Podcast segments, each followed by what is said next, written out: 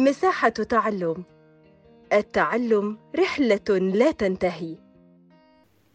أهلا بكم في بودكاست مساحة التعلم التابعة لهيئة كير الدولية مصر. معاكم أنا منى إدريس محمد معلم مادة الجغرافيا المنهج السوداني. اليوم عايزين نتكلم عن المرافق الخدمية اللي بتكون موجودة في الولاية. والسودان مقسم لولايات.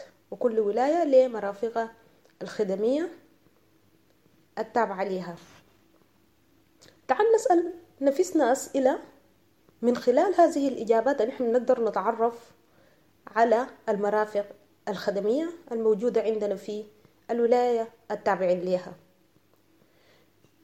شنو نعني بالمرافق العامة؟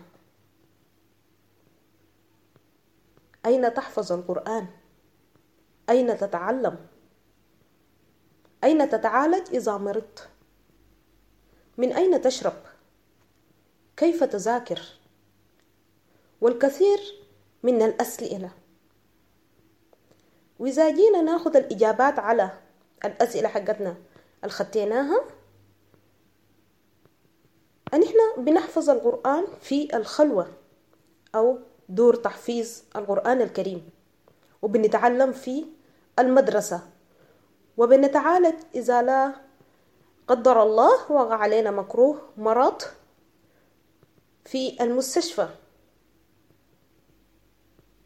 وبنشرب الموية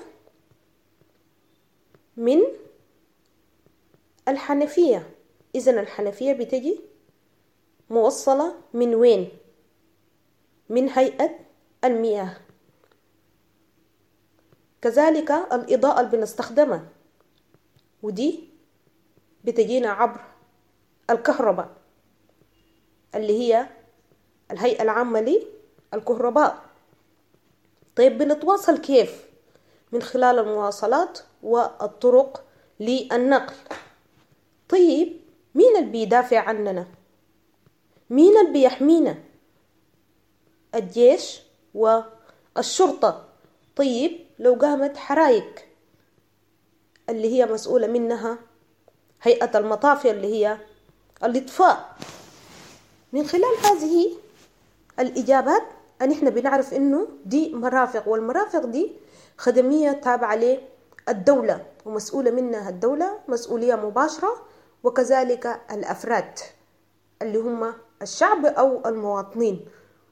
ولا يجوز لك إنك أنت تتلف أو تقوم بخراب ودمار لأنه ده بيعود عليك سلبا وما حتقدر تتلقى خدمات تانية سواء كانت تعليمية صحية قمت بهجوم شنيت هجوم على مقرات الشرطة والدفاع وغيرها. فهنا أنت حتكون المتضرر.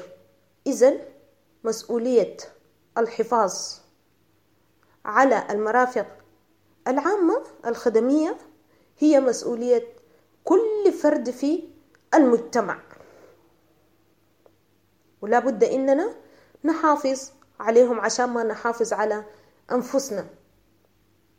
أتمنى إنكم تكونوا استفدتوا من الشرح المبسط للمرافق الخدمية في كل ولاية. وإلى أن ألتقيكم في أمان الله وحفظه.